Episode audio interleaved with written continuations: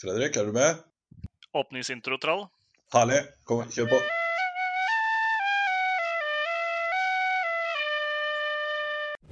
DPN podkast!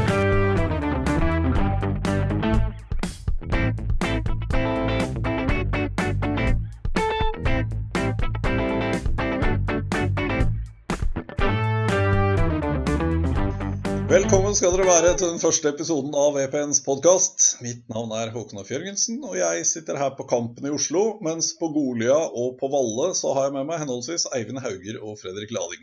Det er gøy å endelig være i gang, gutter. Yep. Morsomt dette her. Etter litt teknisk trøbbel, så fikk vi det til. Ja. Jeg har et kjapt dilemma til dere for å starte Uh, første episode. Hvis dere måtte velge, hvem vil dere helst være? Abid Raja, som har hele Fotball-Norge på nakken, eller Ola Brynildsen, som bare har Stabæk-supporterne på nakken, men som til gjengjeld har Jim Solbakken som agent, og skal lære moral og etikk av Molde fotballklubb? Jeg tenker at Ola Brynildsen er mannen å være. For det første er det ikke så veldig mange Stabæk-supportere, da. Altså det er, så det er, det er liksom De er kanskje høylytte der og da, men det er ikke så mange av dem. Og så kan man i tillegg gå Jim Solbakkens etikkurs, som mest sannsynlig er det korteste kurset du noensinne har tatt.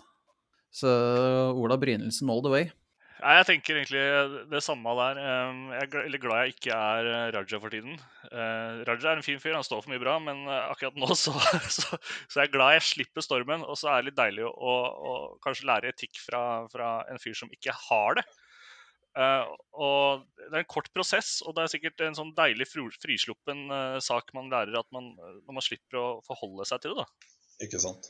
Ja, Så dere, dere går for uh, null moral og etikk og godt med penger, da, sannsynligvis, for, som Vi gjør det. Ja. De glade Ja. kapitalister. Ikke sant, det er bra det. Nei, En nærmere introduksjon av eh, vår moral og etikk eh, det forventet en senere episode. For det har seg nemlig sånn at mens vi sitter på forskjellige steder i Oslo, så sitter vår første gjest veldig mye lenger unna. Han er tidligere trener i bl.a. Vålerenga, Lørenskog og Bodø-Glimt. Er kåra til årets unge trener i 2013. Og landet han er trener i, har vel ikke fått så mye oppmerksomhet fra nordmenn som nå, siden vikingene dro vestover. Hjertelig velkommen, trener for 07 Vestur på Færøyene, Julian Madsen. Jo, takk for det. Takk for det. Veldig hyggelig at du eh, sa ja til å være vår første gjest, Julian. Det er eh, veldig veldig stas. Hvordan er det å eh, være trener i et land hvor, som får så mye oppmerksomhet, i hvert fall fra Norge, som akkurat nå? Ja, jeg merker ikke så mye til den voldsomme interessen eh, eh, sånn i dagliglivet, men litt trøkk blir det jo på litt telefoner og eh, en del som er glad i å bette, som lurer på om jeg kan gi dem noen gode tips og den slags. Men, Ja, men bortsett fra det, så er det et rolig liv her, altså. Ja, ikke sant. ikke sant. Eh, vi tenkte vi kunne starte litt med å snakke om eh, trenerkarrieren din, Julian. Eh, Ja.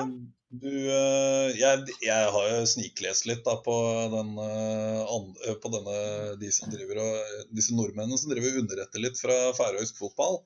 Eh, så du hadde blitt intervjua der, og da, de skrev at spillekarrieren din var ikke noe å snakke om. Er det riktig, eller?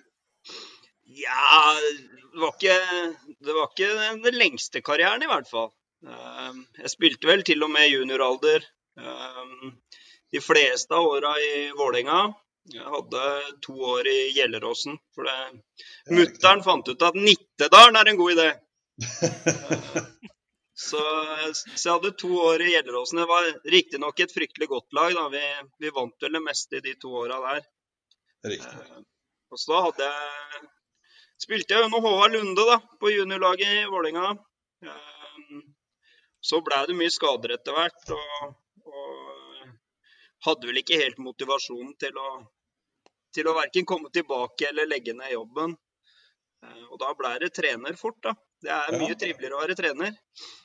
Altså det, Var det noe du hadde tenkt på allerede i ung alder, eller at du kunne tenke deg å bli fotballtrener? Nei, tvert imot. Jeg hadde vel egentlig tenkt at nå, nå lukter det bohemen og, og supporterlivet. Det, var, eh, det lokka vel egentlig mer.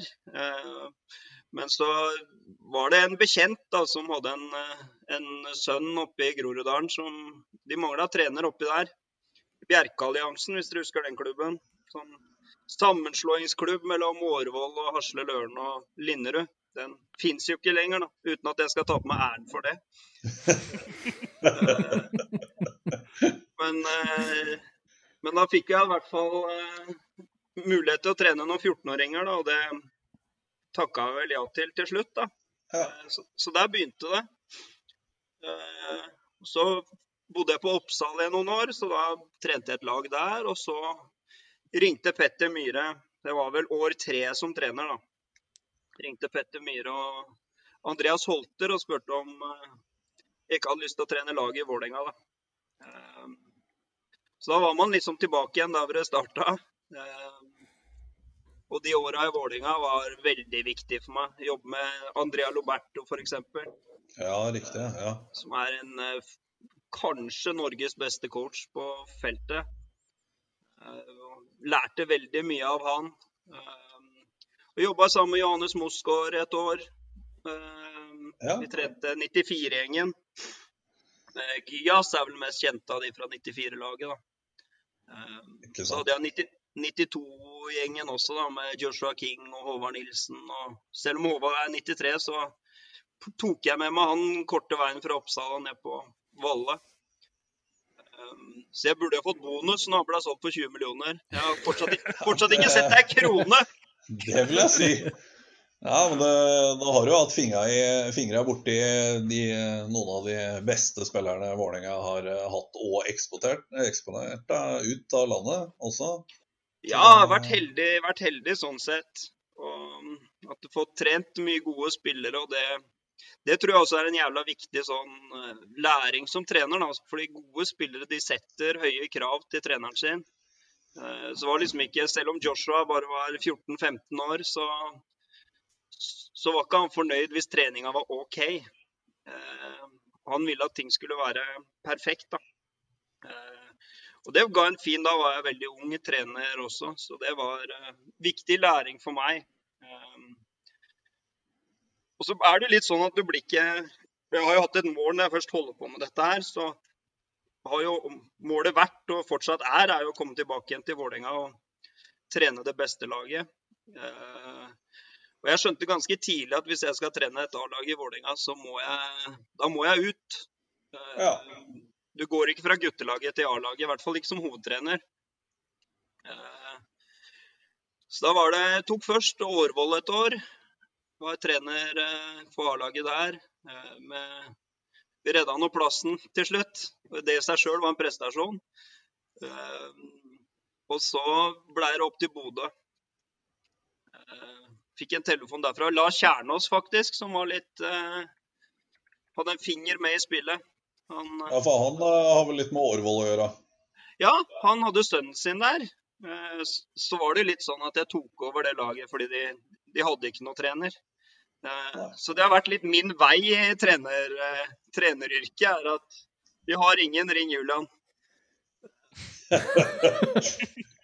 Vi har ingen Ring Julian, da. Den er fin. Så, så det kan gå fint å gå den veien òg. Hva er nødløsninga? Men, men du Julian, jeg har et lite spørsmål. Ja.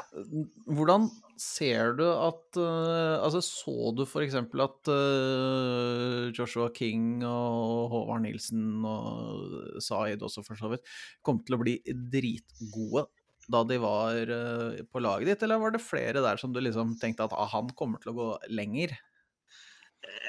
Joshua syns jeg var veldig tydelig. Altså, han var jo en voksen mann i en 14 år gammel kropp. eh, og hadde en sånn eh, Det er kanskje noe jeg savner litt når jeg ser disse unge som, som tar steget opp på A-laget i Vålerenga nå. Vi hadde disse rampene fra Romsås og Hauketo Hauke 2 og hvor den kom fra. Og de hadde en sånn litt sånn indre drive, da, for fotballen var litt uh, last chance. Uh, de hadde liksom ikke så mange andre planer i livet. Eh, Og, det, det gir deg en litt sånn der, eh, trøkk i det du holder på med. da. Og Joshua var veldig spesiell. Eh, Håvard var jeg nok ikke så sikker på at kom til å bli utenlandsproff, i hvert fall. Men han var litt sånn Han hadde en litt annen inngang enn Joshua. Hadde han ikke blitt fotballspiller, så hadde han blitt tannlege, liksom.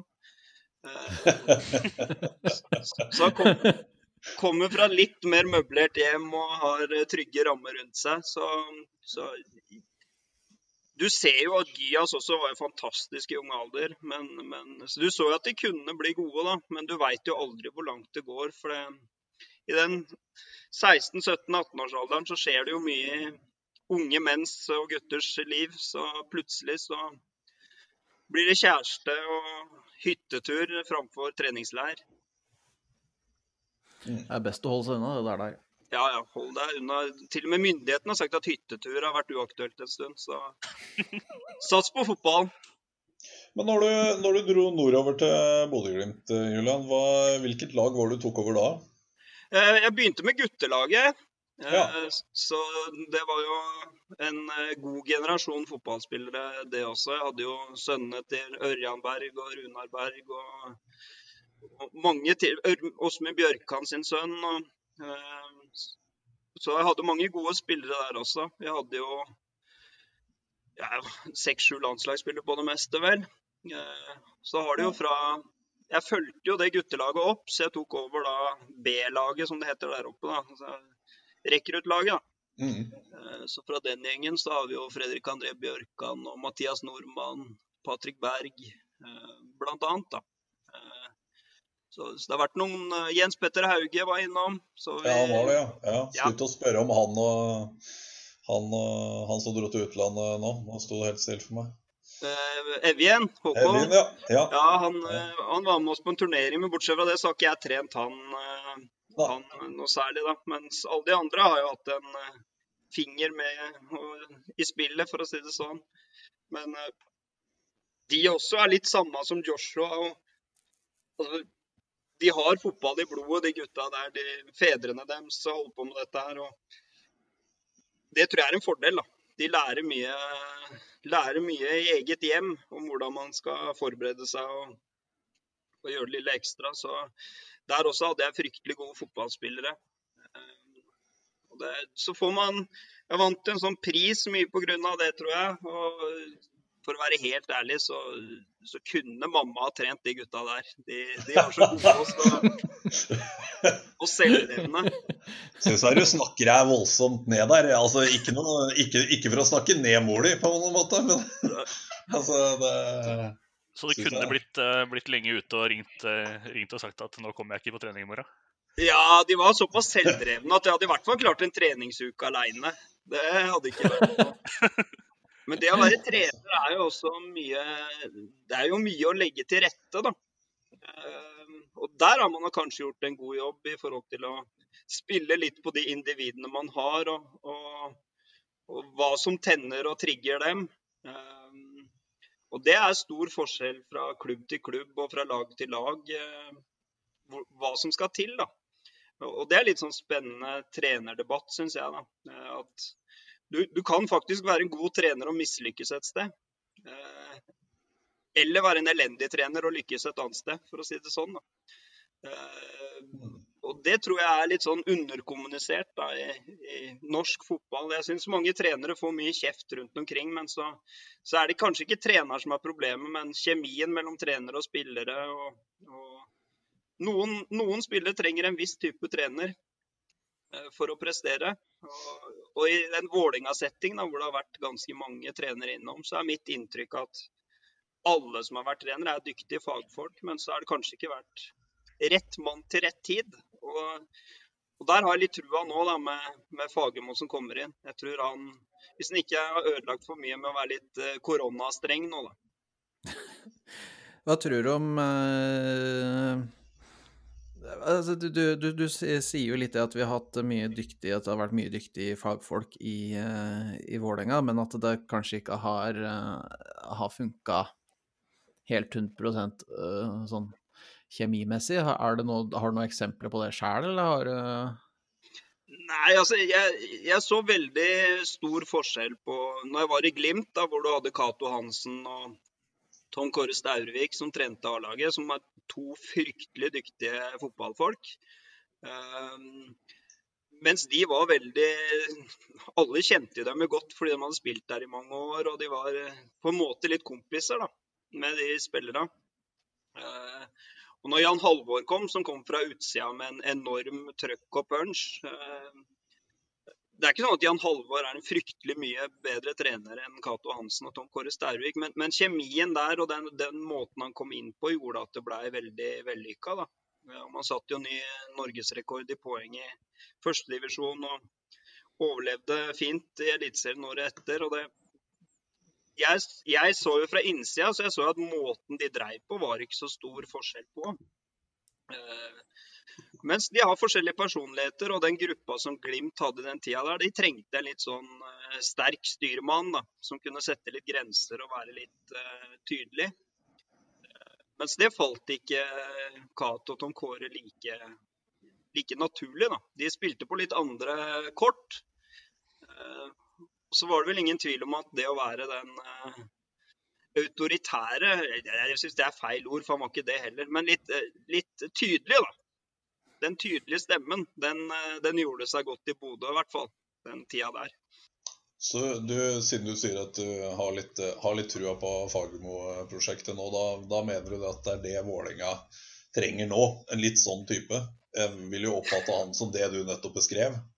Ja, jeg syns, ja, jeg syns heller ikke Fagermo er autoritær. Jeg syns han er eh, Han setter tydelige krav og grenser, og, og det tror jeg Vålerenga trenger. Jeg synes Eh, når du ser troppen til Vålerenga nå, så er det ikke så mange Det er ikke så mange av de selvdrevne lenger. Det var ikke så mange av de som har vært ute og vunnet Champions League og spilt eh, hundrevis av kamper i Premier League som det har vært Hvis vi går 10-15 år tilbake, da, så hadde man spillere med enorm erfaring som kunne hjelpe treneren å dra hverdagen, da, for å si det sånn. Eh, den har man ikke lenger. Nå er det en blanding mellom litt uh, unge spillere og og spillere som stort sett har vært i den norske ligaen. Da. Eh, så jeg tror, tror, kanskje den gjengen trenger en litt tydeligere, tydeligere trener. Og så syns jeg også at Fagermo er jo litt Vålerenga på mange måter. og Jeg har litt savna den der trøkken og ærligheten og skyte litt fra hofta. og Kanskje du bommer litt innimellom, men det er show, det òg. Eh, og Den har jeg savna litt i Vålerenga. Jeg, jeg, jeg, tror det kan bli en fryktelig god match eh, etter hvert. Ja, Vi diskuterte vel dette ganske greit innad i VPN når, når det sto på før han ble ansatt. At uh, han uh, tenkte vel litt sånn at, han, at vi syntes han var litt uspiselig på en måte fordi han nettopp var sånn som du beskriver, da, i mm. Odd. Men da var han jo ikke vår mann. Så mm. vi, så vi snudde jo på en måte underveis i prosessen til at ja, ja, dette dette er jo når det blir vår mann, så er det jo, da, da blir han vår drittsekk, da, på en måte. Ja. Så, Ja, og så tror jeg når, man, eh, når han får kommet seg inn i jobben og, og ja, Jeg har nå jobba med noen som har hatt litt, litt eh, rart rykte andre steder, men de fleste folk er gode folk. Når de, når de, altså Fagermo hadde ikke, hadde ikke vært en av de beste trenere i Norge i en uh, generasjon snart, uh, hvis han var en drittsekk. Så, Nei, ikke sant. Så jeg tror også at eh, medieansiktet Fagermo behøver ikke nødvendigvis å være den du ser på jobben hver dag, da. Eh, litt sånn Sett han Mourinho holdt på med en del krumspring borti, bort, borti på Balløya der, men, men spillerne gråt jo når Kanskje ikke Manchester United, men de gjorde i hvert fall det i Inter når han forsvant. Så ja, ja.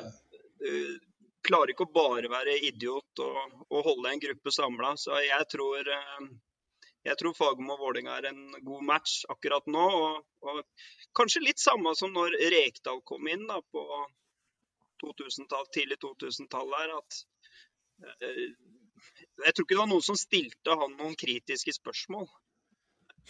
Og, og det tror jeg er en fordel som trener. altså Ikke måtte overbevise alle hele tida om at det prosjektet du har gående, det, det må dere også ha tro på. Jeg tror Rekdal fikk mye i gåseøyne gratis. Da. Så folk hadde en enorm tro, både omgivelsene og, og spillerne. og det, det, skal man ikke undervurdere i fotball. altså. Men eh, der, der, eh, Rekdal på en måte fikk muligheten til å bruke disse erfarne spillerne med Ja, hente inn erfarne spillere med mye erfaring fra utlandet og fra landslaget og alt mulig, så har jo ikke Fagermo det. Um, har du trua på at han kan få samme effekten på en måte likevel, eller? Selv om han ikke nødvendigvis har de personlighetene i garderoben, på en måte? Jeg tror Vålerenga Jeg har jo sagt det i diverse sosiale medier og, og sånt, at jeg, jeg, tar gjerne en sjuendeplass til jeg, hvis Vålerenga velger en eller annen retning. Mm. Eh, og jeg tror at retning vil du få med Fagermo. Han er ganske tydelig både i måten å spille på og hvordan han eh, Han gir ofte unge telemarkinger i gåseøynene muligheten. Eh, og materialet han har i Vålerenga med unge spillere, er mye bedre enn han noen gang har hatt i Odd. Akademiet i Vålerenga er desidert best i Norge. Eh, så, så jeg tror at eh, den, den, Hvis han bare fortsetter å gjøre litt samme type jobb som han har gjort i Odd, men med en Vålerenga-vri, da, så tror jeg at eh, det prosjektet der kan bli veldig bra. Så er det jo alltid litt sånn usikkert med rammer og økonomi. og Alle som har holdt, Vålinga, holdt med Vålerenga i mer enn tre uker, vet jo at det, det, kan skje noe på økonomifronten innimellom. Eh, men så lenge han får OK rammer, og jeg mener jo med OK rammer så tenker jeg at da bør han ha bedre rammer enn han har hatt i Odd. Eh, så har jeg trua på at man kan få til noe. Og Vålerenga trenger jo en opptur. Det skrikes jo etter å altså, Gi oss en medaljekamp. Gi oss en, en Gjerne på fjerdeplass, men la oss få liksom kjenne på den der eh, siste serierunde, spille om noe. Komme oss ut i Europa igjen. Det er det Det er mer enn godt nok for meg. Og så eh, tror jeg og De har jo de målsetningene innad i Vålerenga også. De hadde vel tatt sikte på en eh, var topp fire de sa utad før sesongen i år. Så gikk det jo ikke helt sånn, men da snakkes det i hvert fall om å prestere på det nivået man alle håper at Vålerenga skal være. da. Eller i hvert fall alle som er glad i Vålerenga, håper. Hva, hva, tenker du om det, at man tar og går ut og sier eh, at man er, vi skal ha, vi skal ha topp fire? Uh, og så Altså uh, det, skal man gjøre det, er det som er litt sånn utfordringa. Skal man da gå ut og si det at ja, vi, en, vi, skal ha en topp fire-plass som, uh, som denne, denne, klubben skal ha en topp fire-plass? Eller skal man være litt mer sånn Skjønne det og huske på historien at det er, holder jo en halv sesong, og så går det på dunken resten? Nei, jeg har, jeg har mer sansen for at man går ut og og sier det man, eh, man tenker innad. Jeg syns Vålerenga skal være en åpen, og, åpen klubb som bidrar. Eh, og må gjerne ta i litt også. Det er litt av den Vålerenga jeg kjenner igjen. da. Gå ut litt høyt, og så får man heller eh, redde det inn hvis man ikke er der. Men så er det klart at det må jo være realistisk også. Og jeg tror at de fleste, fleste på Valle hadde trodd at man skulle av no, alle som jeg snakka med som jobber med sport, i hvert fall, hadde trua på en god sesong i fjor. Det var litt, uh, var litt overraskende for de også, tror jeg, at man gikk hva var det for noe, 10-12 kamper uten seier, eller hva det var for noe. Det, det, tror jeg ingen av de så før sesongstart. Um, så tenker jeg jo nå at nå, nå, begynner man jo på nytt, da. Igjen. Uh, ny trener. Uh, eller nytt trenerteam. Eh, så blir det sikkert litt utskiftninger i stallet etter hvert også. Eh, jeg tipper jo at Fagermo sikkert ønsker en del nye inn. Og, og så er jo håpet mitt, da, som er litt min kjepphest, er jo disse egne talentene. Vi må ha Oslo-gutter på det laget. Og nå har det jo vært en del Oslo-gutter de siste åra, det skal sies. Eh, og jeg håper at de gir disse unge sjansen. Jeg blir litt trist når jeg ser en eh, Lars Olden Larsen eh, herje rundt i førstedivisjon og, og velge Mjøndalen, liksom. Det, mm. Han skal jo være Vålerenga-gutt. Jeg ville jo heller hatt han på benken på A-laget hvis han ikke er god nok til å spille, da, enn en kjøpesenterback. For, for, å si det litt flåsete. Ja, ja, ja. Men, eh, men eh, når vi først er inne på fjorårssesongen, har du noen teori om hvorfor det gikk så gærlig? La oss si etter sommeren, da, for det var jo fra da utover det gikk gærlig, Men så, burde vi sett det før? Jeg syns jo, jo, det største sånn, sånn Når jeg ser Vålinga med litt trenerbriller på, da, så syns jeg at Vålinga var litt utydelig. Jeg så liksom ikke helt hva er det de ønsker med og uten, med og uten ball. Uh, Og så blei det jo tydeligere etter hvert som resultatene ble dårlige, fordi risikoen i spillet ble mindre. Og, og man gjorde litt grep og blei litt mer, på fotballuttrykket, litt mer tighte, da. Eh, og, og, det gjorde at man fikk snudd det til slutt. Men jeg syns den tydeligheten i, i, spillet kanskje ikke var, var, der. Det er ikke så lett å se hva de vil. Uh, og det er nok litt med sånn som Ronny Deila er som trener også, at spillerne får mye frihet og ansvar i, i spillet. Og så hadde man kanskje ikke troppen Jeg syns jo troppen til Vålerenga i fjor kanskje ja, var fra midten mellom femte, femte og åttendeplass et sted. Jeg syns ikke troppen til Vålerenga var I hvert fall når Ejuki gikk ut. Uh, så syns ikke jeg den troppen tilsa topp tre, kanskje. Det er min personlige mening, da. Uh, men at man skulle gå 10-12 kamper uten seier, det hadde man heller ikke tropp til, for å si det sånn. Man skulle gjort det mye bedre enn det. Men så er det den mentale biten i fotball da, som, som, man ofte snakker om når det går dårlig, men den er jo like viktig når det går bra. Eh, den derre gjenkjenninga når man kommer til kamp, da, at, eh, og den er lett å tenke på i motgang. Å faen, nå skjer dette igjen, nå scora dem. Eh, og så er det litt flaks og uflaks i fotball òg. Jeg syns jo Vålerenga i fjor eh, Man brant mye store sjanser, og så smalt det fort bak. Eh, så jeg tror det var en god, var en god rekke med årsaker til at det gikk som det gikk. Men, men, eh, men jeg tror nok at for neste år, da, eller for de neste åra, så, så syns jeg mangel på en ordentlig leder i det laget der, syns jeg er eh, Jeg synes det er prekært med en sånn derre Erik Hagen, Christian Grindheim-type eh, figur, da. Som, som, og det er klart, Tollås Nation kanskje er det, men han ble jo borte i fjor. Um, så jeg skriker litt etter en sånn ledertype. Altså, det tror jeg, det tror jeg Fagermo er ute etter. Mm. Så jeg veit ikke om du fikk svar. Det ble mye Jo, jo Hadde jeg, hatt, hadde jeg hatt svaret, så hadde jeg sikkert vært daglig leder i Vålerenga nå. Ja, det vil jeg tro. Det vil jeg tro. Mm.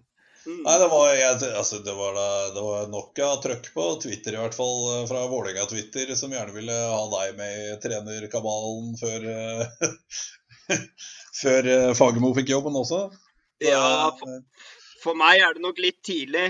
Jeg er fortsatt i læringsmodus. Så, men planen er å komme tilbake igjen og lage litt liv på østkanten igjen. Men, men jeg må lære litt mer og få litt mer erfaring. Og, og det er stor forskjell på å trene eh, en klubb på en øy med 3000 innbyggere og trene Vålerenga. Det er to forskjellige idretter. Eh, og jo mer erfaring du har, jo større sjanse har du til å lykkes, tror jeg, i en klubb som Vålerenga. Eh, det viser jo seg at svært dyktige fagfolk de sliter med å lykkes. Eh, så jeg er veldig sånn ydmyk i forhold til det. Jeg har ikke noe sånn kortsiktig mål om å i hvert fall ikke være hovedtrener for Vålerenga. Men, men, jeg er i læringsmodus, og jeg jobber med saken og prøver å bli litt bedre for hver dag som går. Og så er målet å komme hjem på et eller annet tidspunkt. Du snakker om du, Bare bryter deg litt, Håkon. Du snakker om at uh, det har vært massevis av fagfolk, masse dyktige fagfolk innom i, i Vålerenga. Mm. Men uh, hvorfor tror du at det Altså, vi, forrige gang det blei uh, seriegull, det begynner jo å nærme seg noen år siden. Mm. Forrige gang det blei cupgull, begynner å nærme seg noen år siden. Hvorfor tror du at det feiler selv, altså selv om vi har ekstremt dyktige folk. Hvorfor tror du det feiler? Jeg tror, jeg tror, det er noe med hele kulturen på Valle. da. Det, eh, og det går, det går, fra spillere til trenere til eh, administrasjon til supportere til alt. Altså, man har ikke noe sånn uh, vinnerkultur, da. Jeg syns jo det er sånn flåsete ord, for det, det sier egentlig ikke så mye.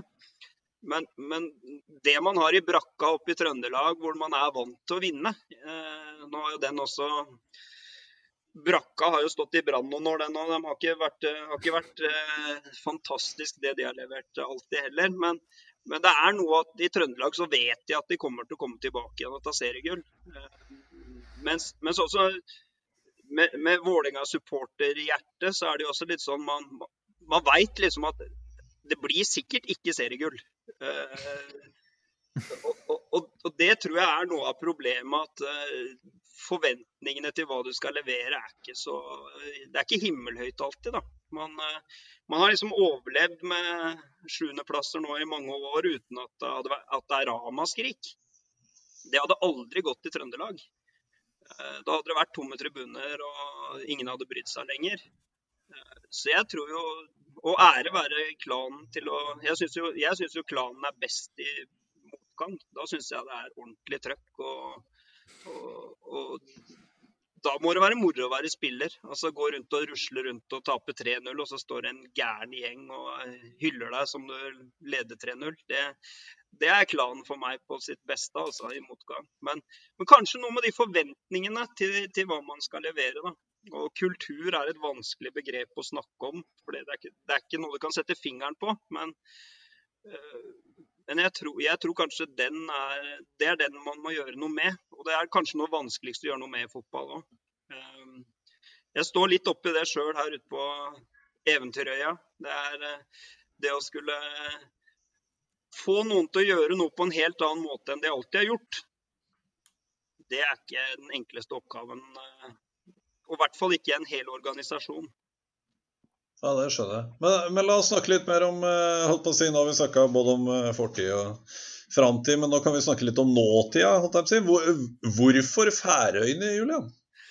Ja, Det er et godt spørsmål. Det har jeg nesten ikke svar på sjøl, eh, for å være helt ærlig. Det var, nok, det var nok litt tilfeldig, eller sånn Jeg hadde jo egentlig tenkt å trappe litt ned dette ikke trappe ned, men, men, i hvert fall ikke reise utenlands. Det sto ikke som noe plan for meg, da. Men jeg var jo i Lørenskog og trivdes veldig godt med det. Mm. Eh, hadde en eh, jævla fin gjeng der. Og, og eh, vi gjorde det veldig bra med Lørenskog også i forhold til forutsetningene, da. Det, det, er jo ikke den rikeste klubben i breddefotballen, det heller. Man valgte litt en sånn modell hvor man satsa på unge spillere. Så jeg, så jeg brukte to år på å bygge opp det fra, fra bånn, da. Eh, så jeg hadde jo egentlig tenkt å fortsette der. Og så var det en oktoberdag da, for ja, ett og et halvt år siden eh, hvor det kom en telefon. Det var et merkelig nummer som ringte. Pluss 298 et eller annet. Så jeg trodde det var sånn Nigeria-svindel. så jeg, jeg, tok, jeg, tok, jo ikke den telefonen de første tre-fire gangene det ringte. Uh, og så var det en tekstmelding hvor det, hvor det, var spørsmål om det var jeg som eide dette nummeret, og at det var en fra Færøyene som ønska å snakke med meg. Da ringte han opp igjen, så tok jeg telefonen. da, og, Han spurte vel ganske rett ut om jeg hadde lyst til å bli trener på Færøyene. Uh, og da tenkte, da, Jeg, jeg veit ikke om jeg tenkte det eller om jeg svarte, men jeg, jeg tenkte i hvert fall nei. Og, og så la han litt fram da, hva slags klubb dette var, og, og, hva de hadde tenkt, og hvilke planer de hadde. Og, og hvorfor de ønska at jeg skulle gjøre den jobben, da. Eh, og så sa jeg at jeg, OK, ring meg tilbake om en uke, så skal jeg tenke litt over det. Eh, og så ringte han igjen etter to dager og spurte om jeg ikke kunne komme da, til Færøyene. Så da var det bare å sette seg på flyet da, med konemor, og så kom vi hit, og så gjorde det et solid inntrykk. og Fotballen på Færøyene er annerledes enn i Norge på en del områder, men de er også profesjonelle. da. De er ikke, det er ikke noe pubfotball. Eh, de trener godt, og de har OK fasiliteter. og, og på mange områder så, så, så, er de nok lenger fram enn breddefotballen i Norge, men så har de litt igjen i forhold til toppfotballen, da kanskje. Eh, så vi var nå her et par dager og kom hjem, og, og da blei det Færøyene. Så, så, det er det, Nei, det var litt, eh, litt tilfeldig. Det var ikke noe jeg hadde planlagt veldig. Men det må jo være bedre å trene et, eh, et lag på Færøyene enn det må være å trene ja, rask som eh, HamKam og Lillestrøm og sånt noe? Ja, det, det, det, har ikke jeg vært trener i HamKam og Lillestrøm, så jeg kan, ikke, jeg kan ikke komme med noen eh, I hvert fall ikke noe erfaringsbasert, da. Men det er klart at det å få lov til å trene fotball i et annet land, det, det er en erfaring som jeg tror jeg kommer til å tjene mye på. Bli kjent med en annen kultur. Du får testa deg på litt andre områder. For jeg syns jo det å være trener i HamKam eller Lillestrøm eller Bodø-Glimt eller Vålerenga Jeg tror arbeidsmessig, da, hvis du skal legge bort supporterfølelser, for det kan du nesten ikke ha så mye av når du er trener, i hvert fall ikke altfor ofte. Eh, så tror jeg de arbeidsoppgavene er ganske likt. Norske klubber drives ganske likt. og Det er selvfølgelig litt forskjell på ressurser, men, men jeg syns jo det å trene, trene A-laget til eh, Lørenskog f.eks. var ikke så stor forskjell fra det å trene et rekruttlag i Bodø-Glimt. Eh, arbeidsoppgavene er ganske like, og spillerne oppfører seg ganske likt. og mens, mens, det er en stor forskjell å komme hit på, på en del ting, og så er det veldig likt på andre ting. Så, men du får i hvert fall testa det. Da. Og språkmessig er jo kanskje den største utfordringa. Nå har jeg blitt ganske OK på sånn halvfærøysk det siste året, så, så jeg forstår i hvert fall. Få høre, da. Nei, kom, faen. jo, kom igjen, da! Nei, for faen. Er, jeg snakker fortsatt med Vålinga-dialekt på trening. Det må jeg bare Hvordan er det med sånn eh, Det er vel sånn semiproft i, Færøyene. Hvordan, hvordan, takler spillerne det? Altså, har de full jobb ved siden av? 50 altså, hvordan Det er litt forskjell. Eh, vi har noen utlendinger, eller vi har to utlendinger i vår klubb. Eh, en portugiser og en serber. Og de, de, jobber ikke fryktelig mye ved siden av, men, men de har ofte en kone som jobber. så, så, totalt, så, så, totalt sett så har de en OK inntekt, da. Eh, men det er ikke noe å leve av det de spillerne våre har. Sånn, eh, jeg vil si at de kanskje har en 50% jobb, da, sånn lønnsmessig. De to utlendingene. Mens de lokale vi har, de studerer og jobber ved siden av. Eh, så treningene foregår på kveldstid. og så det er ikke På den måten så er det nok mer likt breddefotball enn toppfotballen, da. Men du, du, du, du, sier at det har en portugiser og en, en serber? Ja.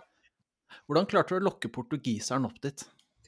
Nei, han, han, har vært i Norge tidligere, da. Så han kjente jeg litt grann til. Han, av alle plasser så klarte portugiseren å havne i Valdres. Så jeg syns jo nesten Oi. det er en større, større under at han havna der enn en på Færøyene. Men han, og med den CV-en han har også, så er det enda mer uforståelig at han havna oppe i Fagernes-traktene der. Eh, men han, han, har jo masse U-landskamper for Portugal. og, og Redda straffe mot Brasil i et UVM. og Eh, ble tilbudt kontrakt til Sporting Lisboa, var på treningsopphold i Blackburn. Og, eh, så vi, vi har Færøyenes desidert beste keeper, i hvert fall. Eh, så har nok han kommet dit hen i karrieren at, eh, at han, eh, han syns det er morsomt å oppleve litt uh, nye plasser. Han var på Island i fjor, i en eliteserieklubb der. Uh, Akkurat. Så han, så han, har blitt en bereist portugiser etter hvert. Eh, men, eh, men, en veldig fin fyr, og, og, en keeper som også norske klubber kjenner godt til. Jeg har fått flere meldinger fra eliteserieklubber om hvordan han gjør det. Og, så han, han, blir nok fulgt opp. Um, og Jeg skal ikke se bort ifra at han havner i Norge igjen etter hvert. Han er bare 26 år, så han står ikke noe tilbake igjen for mange av de keeperne som spiller på toppnivå i Norge, i hvert fall. Og en meget solid fyr også. Hvordan, øh, hvordan, var det med sjølve Færøyene? Sånn øh, Altså, ja, jeg var der sjøl tilbake i 2006, var det vel, eller noe sånt, og syns jo det var helt Altså, naturen der er jo så spektakulær. Var det var, Naturen var kanskje forlokkende? Var været mindre forlokkende der ute, eller? Åssen er, er, det som å bo i, eller er det som å bo i Bergen, bare? Eller? Der har jeg aldri bodd, så jeg kan ikke jeg vet ikke hvordan eh, Ikke kommer jeg til å bo der heller, tror jeg. Jeg er ikke velkommen. Men, men eh, etter en cupfadese der for noen år siden hvor de røyket mot Førde, som jeg trente, så tror jeg jeg holdt meg langt unna Bergen. Men, eh, men hva er det jeg skulle si? Jo, jeg er jo fra Kampen, da. Eh, Nordmannsgata. Eh, så natur er jo ikke min første prioritet i verden. Eh, jeg, er veldig fornøyd med asfalt og høyhus og litt eksoslukt. Jeg føler meg hjemme da. Ja, Kampen Park holder, liksom. Sånn. Ja, det er ekskursjon, det for meg. Ja, ja, ja. Før jeg flytta hit, da, og Nord-Norge for den saks skyld. Men når man blir eldre, så blir man jo mer, eh, mer eh, glad i natur også. Så, og det er det jo masse av her. Alt er natur på Færøyene. Eh, Så for de som er sånn turmennesker, så må det jo være et mekka. Jeg er jo ikke det. Jeg syns det å gå ned i butikken er et tiltak innimellom. Så, så, men jeg legger jo merke til naturen rundt meg. Det gjør jeg jo. Men, men det er mye vær og vind, det er det.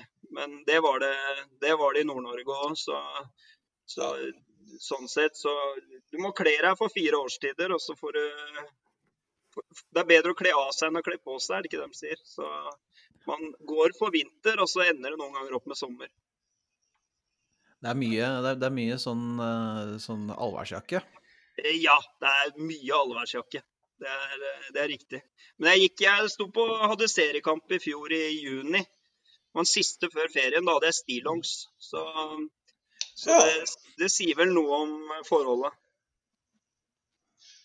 Det hørtes uh, kaldt ut. I juni, ja. Det, ja. Ja. Det er samme temperatur året rundt her, så det er, forskjellen er vind og, vind og regn.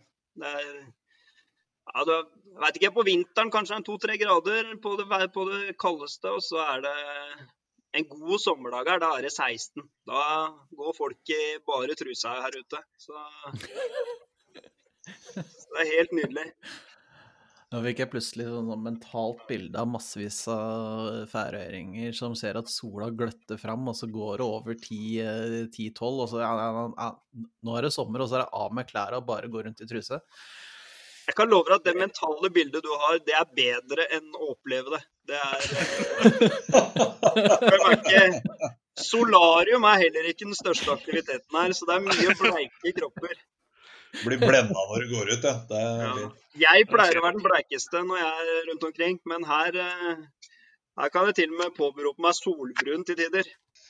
Men eh, ja, dere, dere har vel eh, kjent en del på koronanedstengelse og sånne ting, dere også. Har det vært de samme tiltaka der som det har vært i Norge, eller?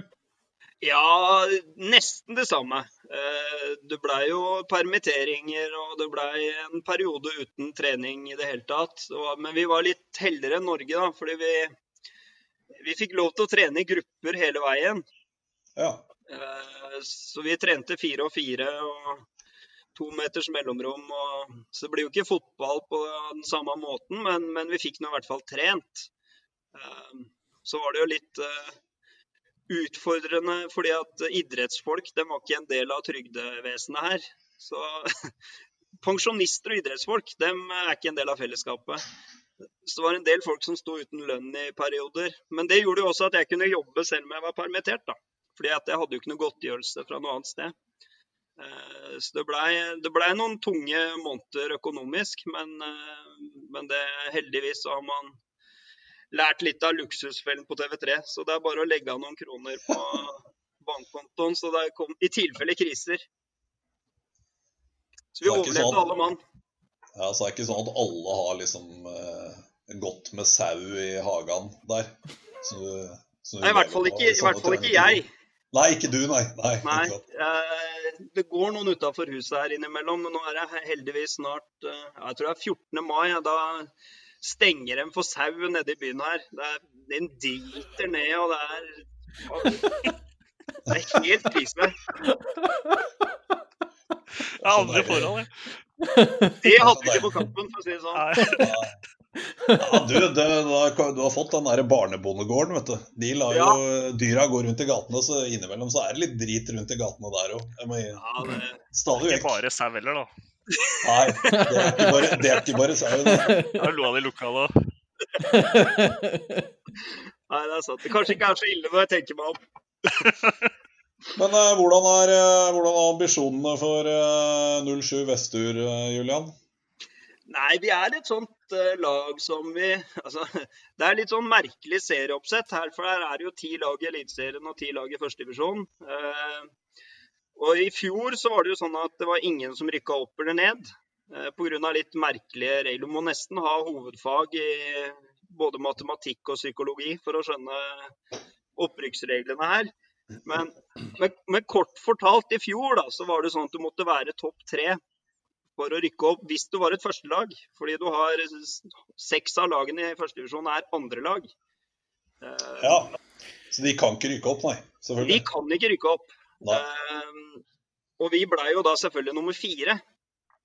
Eller som det også heter, det ellevte beste førstelaget. men, det, men det gjorde jo da at vi ikke rykka opp i fjor. Eh, men vi hadde heller ikke i år så hadde vi ikke hatt noe Eliteserien å gjøre, så sånn sett så, så, så, var det helt greit. Eh, men mens i år så har vi håp om å bli topp tre, da, som vil gi, gi opprykk. Og så har vi annen, et annet førstelag som er mye sterkere i år enn de var i fjor, eh, som heter B68. De liker én bokstav og noe årstall. Det, det, er ofte klubbnavnet her. Mm. Uh, og de, de, er sterke i år. De har henta halve Serbia. Så de, de ser uh, tøffe ut. Og så gjelder det å få disse andre lagene bak seg. Men nytt av året er jo også at noen skal rykke opp uansett. Uh, og så vil det bli playoff da, for et lag. så det ser lysere ut med tanke på opprykk. Men vi har en god jobb framfor oss. Vi har litt vi fikk kapteinen vår ute med skade hele sesongen, og vi har mista et par som skal studere i Danmark. Og, eh, det er ikke gjort av seg sjøl, for å si det sånn. Vi må, en, vi må, gjøre en, god innsats for å klare det. Har du noen plan på hvor lenge du ser for deg å være trener på Færøyene, eller blir det litt til som det går? Nei, jeg har, jeg har kontrakt ut neste sesong, da. Mm.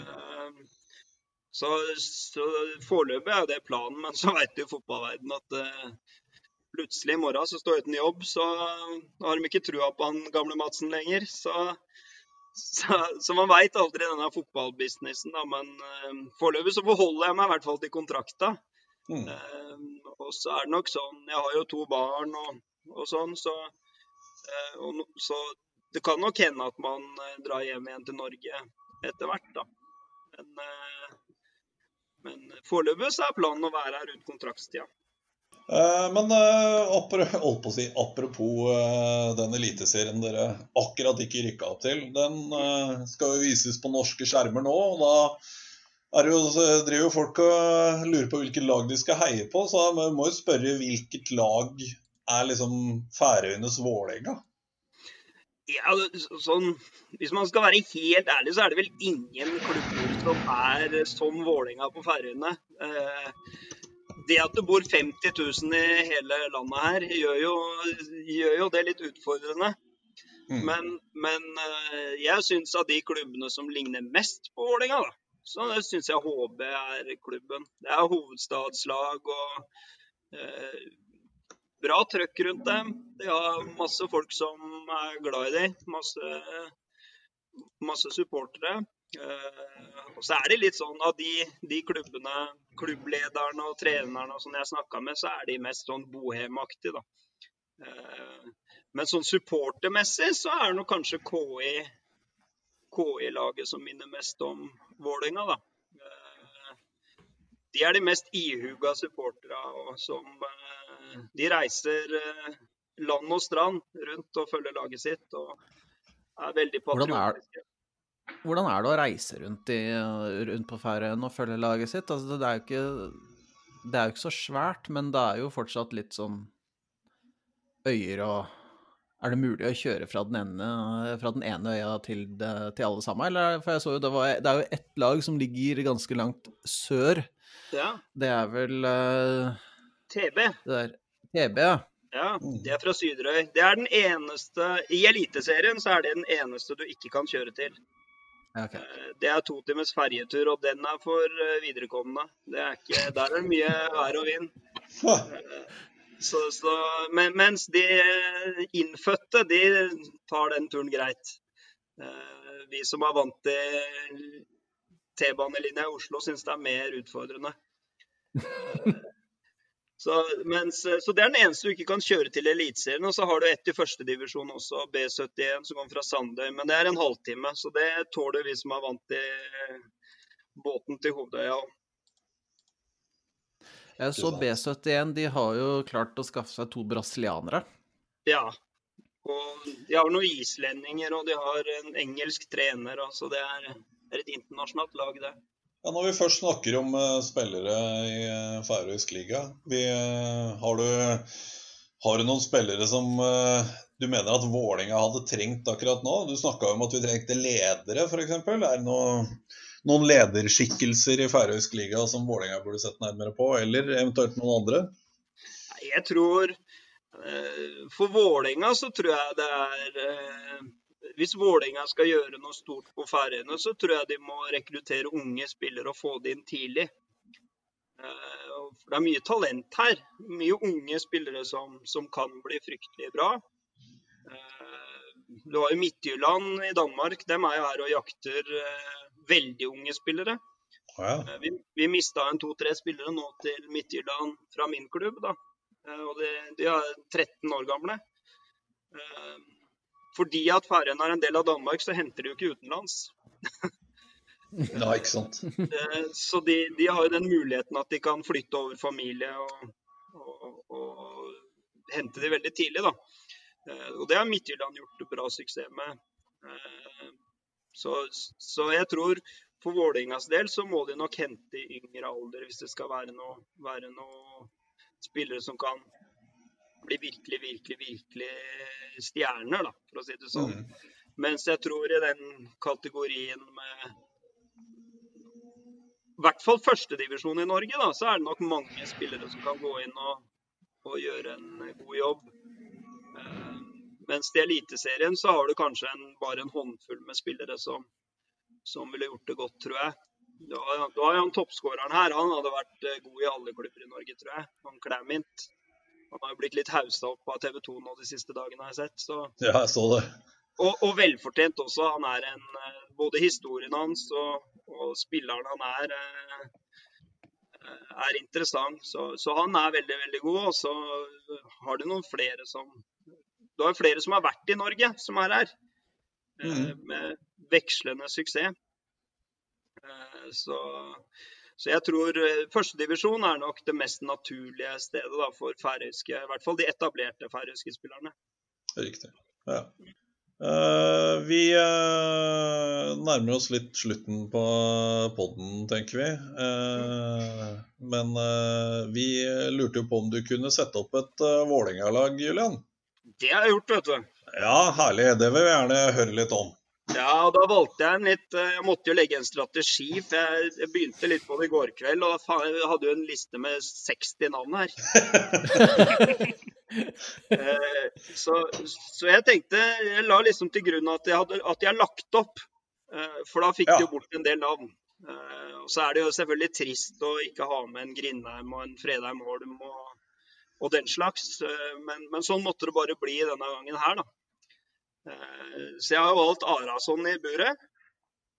Eh, jeg syns han gjorde Han og Iversen i frontrekka gjorde jo Vålerenga fra et midtpålag til et topplag nesten alene. Vi fikk matchvinner i begge ender. Eh, så Arason han ble selvskreven for meg, i hvert fall. Mm. Jeg har jo da valgt 4-3-3-formasjonen min, jeg da, selvfølgelig. Men det er bare patriotisme. Så jeg har valgt en backfirer da, med, med Dos Santos på ørebekken, selv om han har spilt alle plasser bortsett fra keeper i Vålerenga. Så fikk en, han, fikk, han fikk høyrebekken, men det er bare pga. det straffesparket og sånn nede, nede, i Champions League der. Han var ikke angriper da. Nei. Så Dos Santos høyrebekk, eh, velfortjent. Han syns jeg er en eh, Til å være Skeid-gutt, så er det en ordentlig klubbmann. Så ble det, ble det stoppepar da med Erik Hagen, også selvskreven, spør du meg. Må jo være prototypen på en sånn ledertype. Uh, han syns jeg gjorde en uh, god jobb i stort sett alle kamper han spilte i Vålerenga. Og så har jeg dratt inn kongen av Tøyen sammen med, med Erik Hagen. Må ha med Panna. Ja, ja, ja, herlig. Han, han syns jeg får for lite blest på, på, i, i, norsk fotball. Da. Han, det er ikke så mange nordmenn vi har hatt som har blitt årets spillere, eller på årets lag i Nederland. Eh, og gjorde jo litt karriere borti Statene. Han er vel trener borti der fortsatt, vel? Har du, har du, hatt noe med han å gjøre? Altså, det er Pavi vi snakker om. Det, har du hatt noe med han å gjøre sånn trenermessig, eller har du bare Nei, jeg, var jo spiller i Vålerenga selv når han var der. Eh, så jeg har eh, spilt litt med ham. Og så trente jeg jo lillebroren hans i Lørenskog, Matar, ja. Som nå er i Skeid. Eh, det er en tro kopi av Pa. De ble støpt i samme skje, for å si det sånn. Så det er prinsen av Tøyen, da. Ikke sant. Ikke sant. Men, men, han får ikke være med på laget foreløpig. På venstrebekken så er det jo Tom Henning Håvi, selvfølgelig. Gjøvik, Gjøviks store sønn. Eh, Bauta i Vålerenga. Han har vel vært inne i styret og stell og sånn ettertid også. Eh, og han tror jeg Han puster Vålerenga, tror jeg. Så han må med. Så har jeg tatt en midtbanetrio da, med Aki. Han må med. Rielaktig. Oh.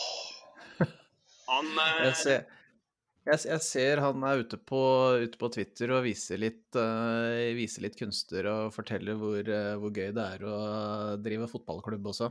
Ja. Uh, artig fyr der òg. Anbefaler å følge den. Ja, han er magisk. Og... Så, så du ikke den eh, korona-challenge-greia hvor alle andre driver og happer med ballen, og så kommer han inn og grisetakler en isteden? Som driver og happer. Er helt nydelig. Det er, egentlig, det er egentlig grunn nok til å være med på laget mitt. Ja. Strålende fyr, og, og, hadde jo også en karriere etter Vålerenga som, eh, som var brukbar. Så eh, var vel kapteinen i var Palace han var kaptein? Chris Palace. Ja, jeg tror det. Jeg tror det. Så har jeg to innerløpere. Der har vi jo med Ernie, da, selvfølgelig. Levernes må med. Eh, syns han Han var mitt eh, idol når jeg var en uh, yngre kar. Eh, så jeg har sett nok av matcher på Ullevål hvor uh, han har vært uh, god. Også, han er vel er en av de eneste som har skåra i to cupfinaler, vel? Det er ikke så mange fotballspillere i Norge som har skåra i to cupfinaler. Nei, det er jo sant, det. Ja, Nei, så Levernes han syns jeg var, uh, var stor. Uh, og så har jeg fått plass til Bojan også. Han, uh, oh. han, var, han, var, en artist. Jo, Bojan var en fantastisk fyr. Ja, og han må inn i det trenerteamet til Vålerenga etter hvert. Bare de Twitter-meldingene hans er Bare få han ansatt. Kan ikke han, du få med han når du tar over, da? Det hadde jo, jo vært Det er, det er drømmeduo. Det, vært, det er ikke sikkert vi hadde vunnet en kamp, men det var vært hatt det jævlig moro. Alle går på skuddfinte med en gang de har ballen. Nei, Bojan er nydelig. Altså, han må komme seg bort fra Vestlandet og tilbake igjen til Oslo. Jeg tror han trives eh, best. Eh, Absolutt. Så frontrekket, da, så har det jo blitt litt sånn Jeg har dratt med Jeg har Moa ute på venstrekanten. Han er jo spiss, men, men han får tåle å spille venstrekant på mitt lag i en match. Eh, hvis kneet holder. Eh, ja, det var det, da. Ja. Eh, og Moa syns jeg var Han er Oslo-gutt og, og, stor profil og, og, ikke minst den typen han er. Det går ikke an å mislike Moa. Så, så Moa fortjener absolutt en plass der. På andre sida så har jeg selvfølgelig Berre. Han, eh, selvfølgelig. Selvfølgelig. Han, han er høyrekant på alle lag han som jeg hadde tatt ut uansett. Eh, om det hadde vært mitt eh, drømmeelve fra Premier League, så hadde det bare vært med. Eh, så... jeg, jeg, jeg, jeg, tror vi foreslår Morten Berre på eh, i omtrent alle sånne kåringer uansett. Mm. Altså VPN er jo fortsatt forskrekka over at Morten Berre ikke har blitt uh, kåra til uh, årets beste spiller i verden. Ja, det er jeg faktisk litt enig i. Jeg er litt enig i det. Hvert år. Mm. Det er, eh, det er både Han var en god fotballspiller, og så var han en eh, kulthelt i tillegg.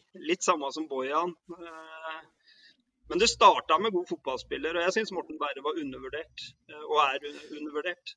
Det var noe sånn Benjamin sånne... Nei, sorry, Eivind. Fortsett. Det er litt sånn gøy da med sånne kulthelter. F.eks. Morten Berre, som kanskje ikke starta Altså, han, var vel ikke akkurat så veldig godt likt i uh, Vålerenga, i hvert fall ikke blant klanen, før han kom. Nei. Nei, det gikk jo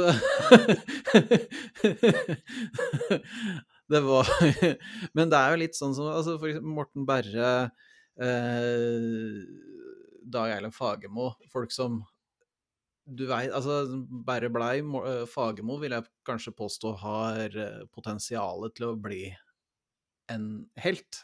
Mhm. Skal kanskje ikke så veldig mye til, si, men det, ja, potensialet ligger der i hvert fall. Mm. Og det er jo interessant å se på sånne folk som kommer fra kommer utenfra, kanskje ikke har vært så veldig eh, Kanskje ikke har vært så veldig populære blant uh, supportere, og så bare tar det helt av. Mm. Bare er jo helt klart en sånn fyr. Absolutt. Og de, de typene er eh, Jeg veit ikke hvor mange kamper Berre har gjort for Vålerenga eh, til slutt, ja, men, men han har vært der i mange år. Han har vært med på mye og sutrer og klager aldri. Og, og, nei, han er, han er hel ved. Det er vel kanskje det beste ordet på han. Mm. Eh, og vi mangler kanskje en Berre-type i dagens Vålerenga. Eh, det er vel kanskje nærmere at han tar comeback enn at vi finner en annen. Så, så det sier vel også litt om han da som type. Han var jo litt sånn eh, litt som eh, Benjamin Button. Han ble, som, jo eldre han blei, jo yngre og bedre sånn ut på banen, egentlig. Så Mhm. Så har han jo litt sånn trener, eh, trenerambisjoner, han også, tror jeg. Han, han er vel sammen med Gard Holme, da, Eks-Vålinga-trener, det også, mm. i Skeid. Så det blir jo spennende å følge han videre der. Skal ikke se bort ifra at Berre må med i det trenerteamet sammen med Bojan og meg, da. Det kan bli et, det kan bli et fryktelig artig trenerteam, dette her. Steik. Det høres offensivt ut, i hvert fall. Ja, vi går for gull. Så får vi nøye, får vi nøye oss med den sjuendeplassen man pleier å gjøre.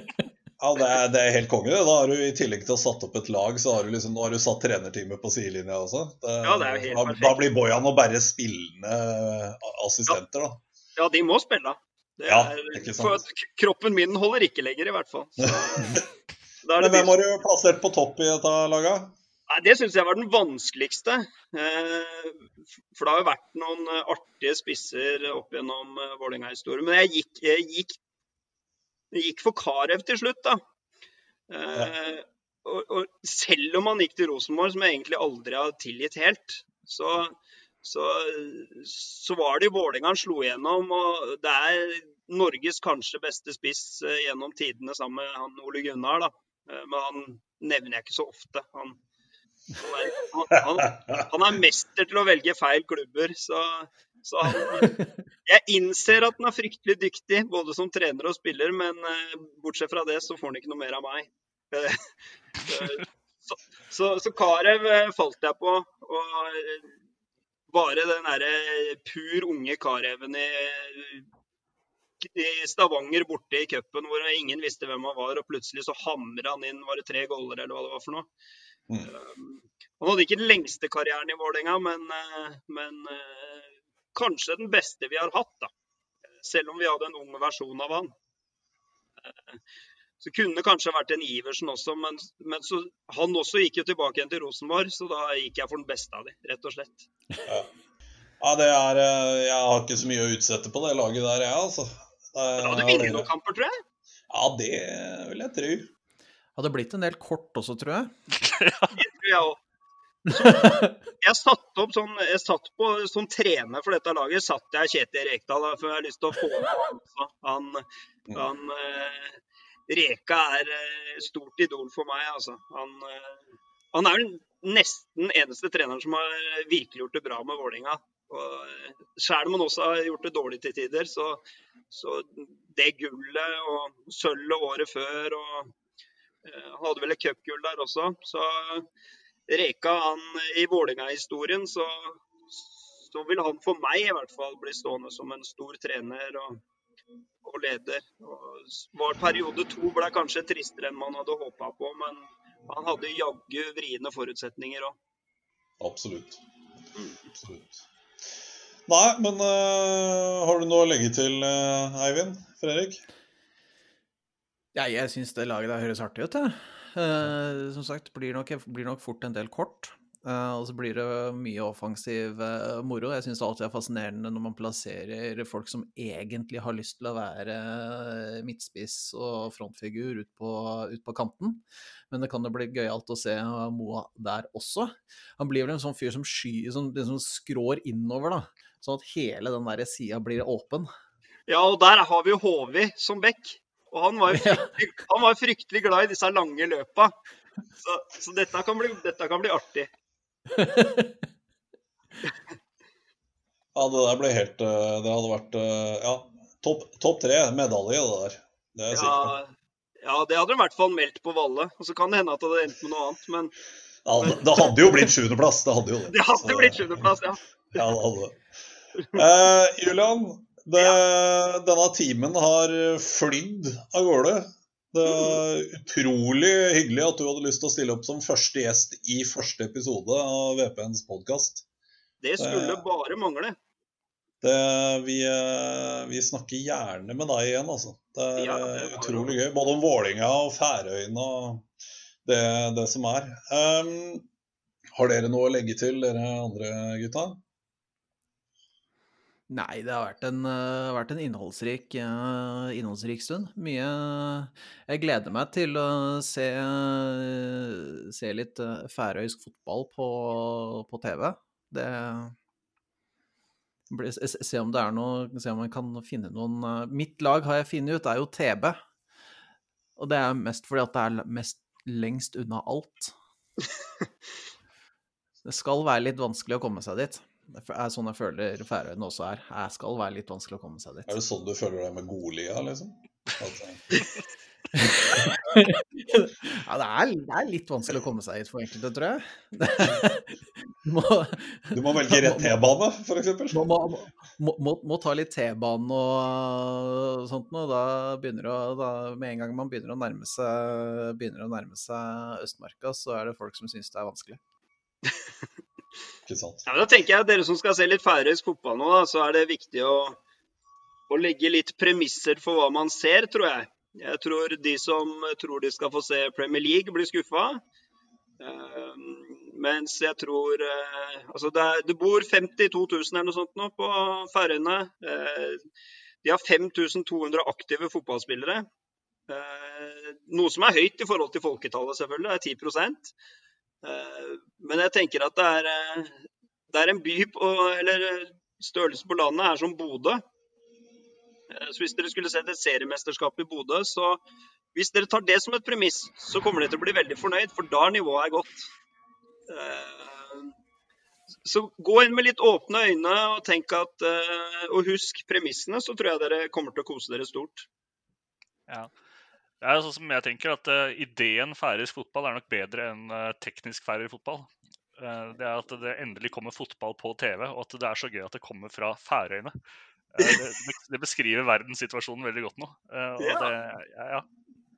Ja, vi, vi, vi koser oss stort her man, man får lov til å vise fram fotballen. Det snakkes mye om det lokalt her, og i media og i det hele tatt. De syns det er fryktelig gøy at de nordmenn eh, For de ser seg som nordmenn selv. Altså, selv om man er, eh, ligger under Danmark, så har de tilknytning til Norge. Så de er veldig stolte av at eh, norsk media og, og at færøysk fotball skal bli vist i Norge. Da. Så de er veldig stolte av det her. Kanskje vi får se færøyske fotballdrakter i Oslo snart. Da. Jeg tror det er et stykke før 0-2-drakta henger i, på fotballshopet der. Det tror jeg. sant, det var? Nei, det, men, eh, men moro hadde det vært. Det blir bra groundhoppe litt der ute. Ja.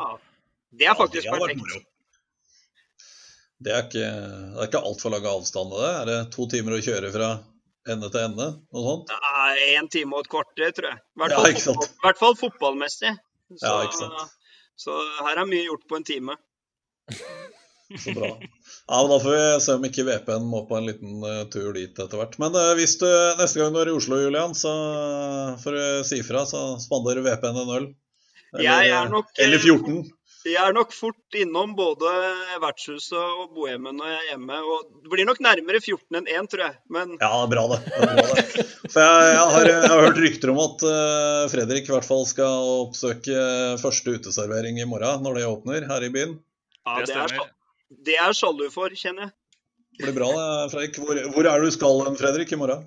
Nei, Det blir fort på øst, da. Det er kort vei og stor utveiing. Ikke sant. ikke sant. Så det blir Vålerenga-relatert der. Ja, nei, men Da tenker jeg vi runder av med det. Tusen hjertelig takk til deg, Julian, for at du var med. Takk for at jeg fikk være med.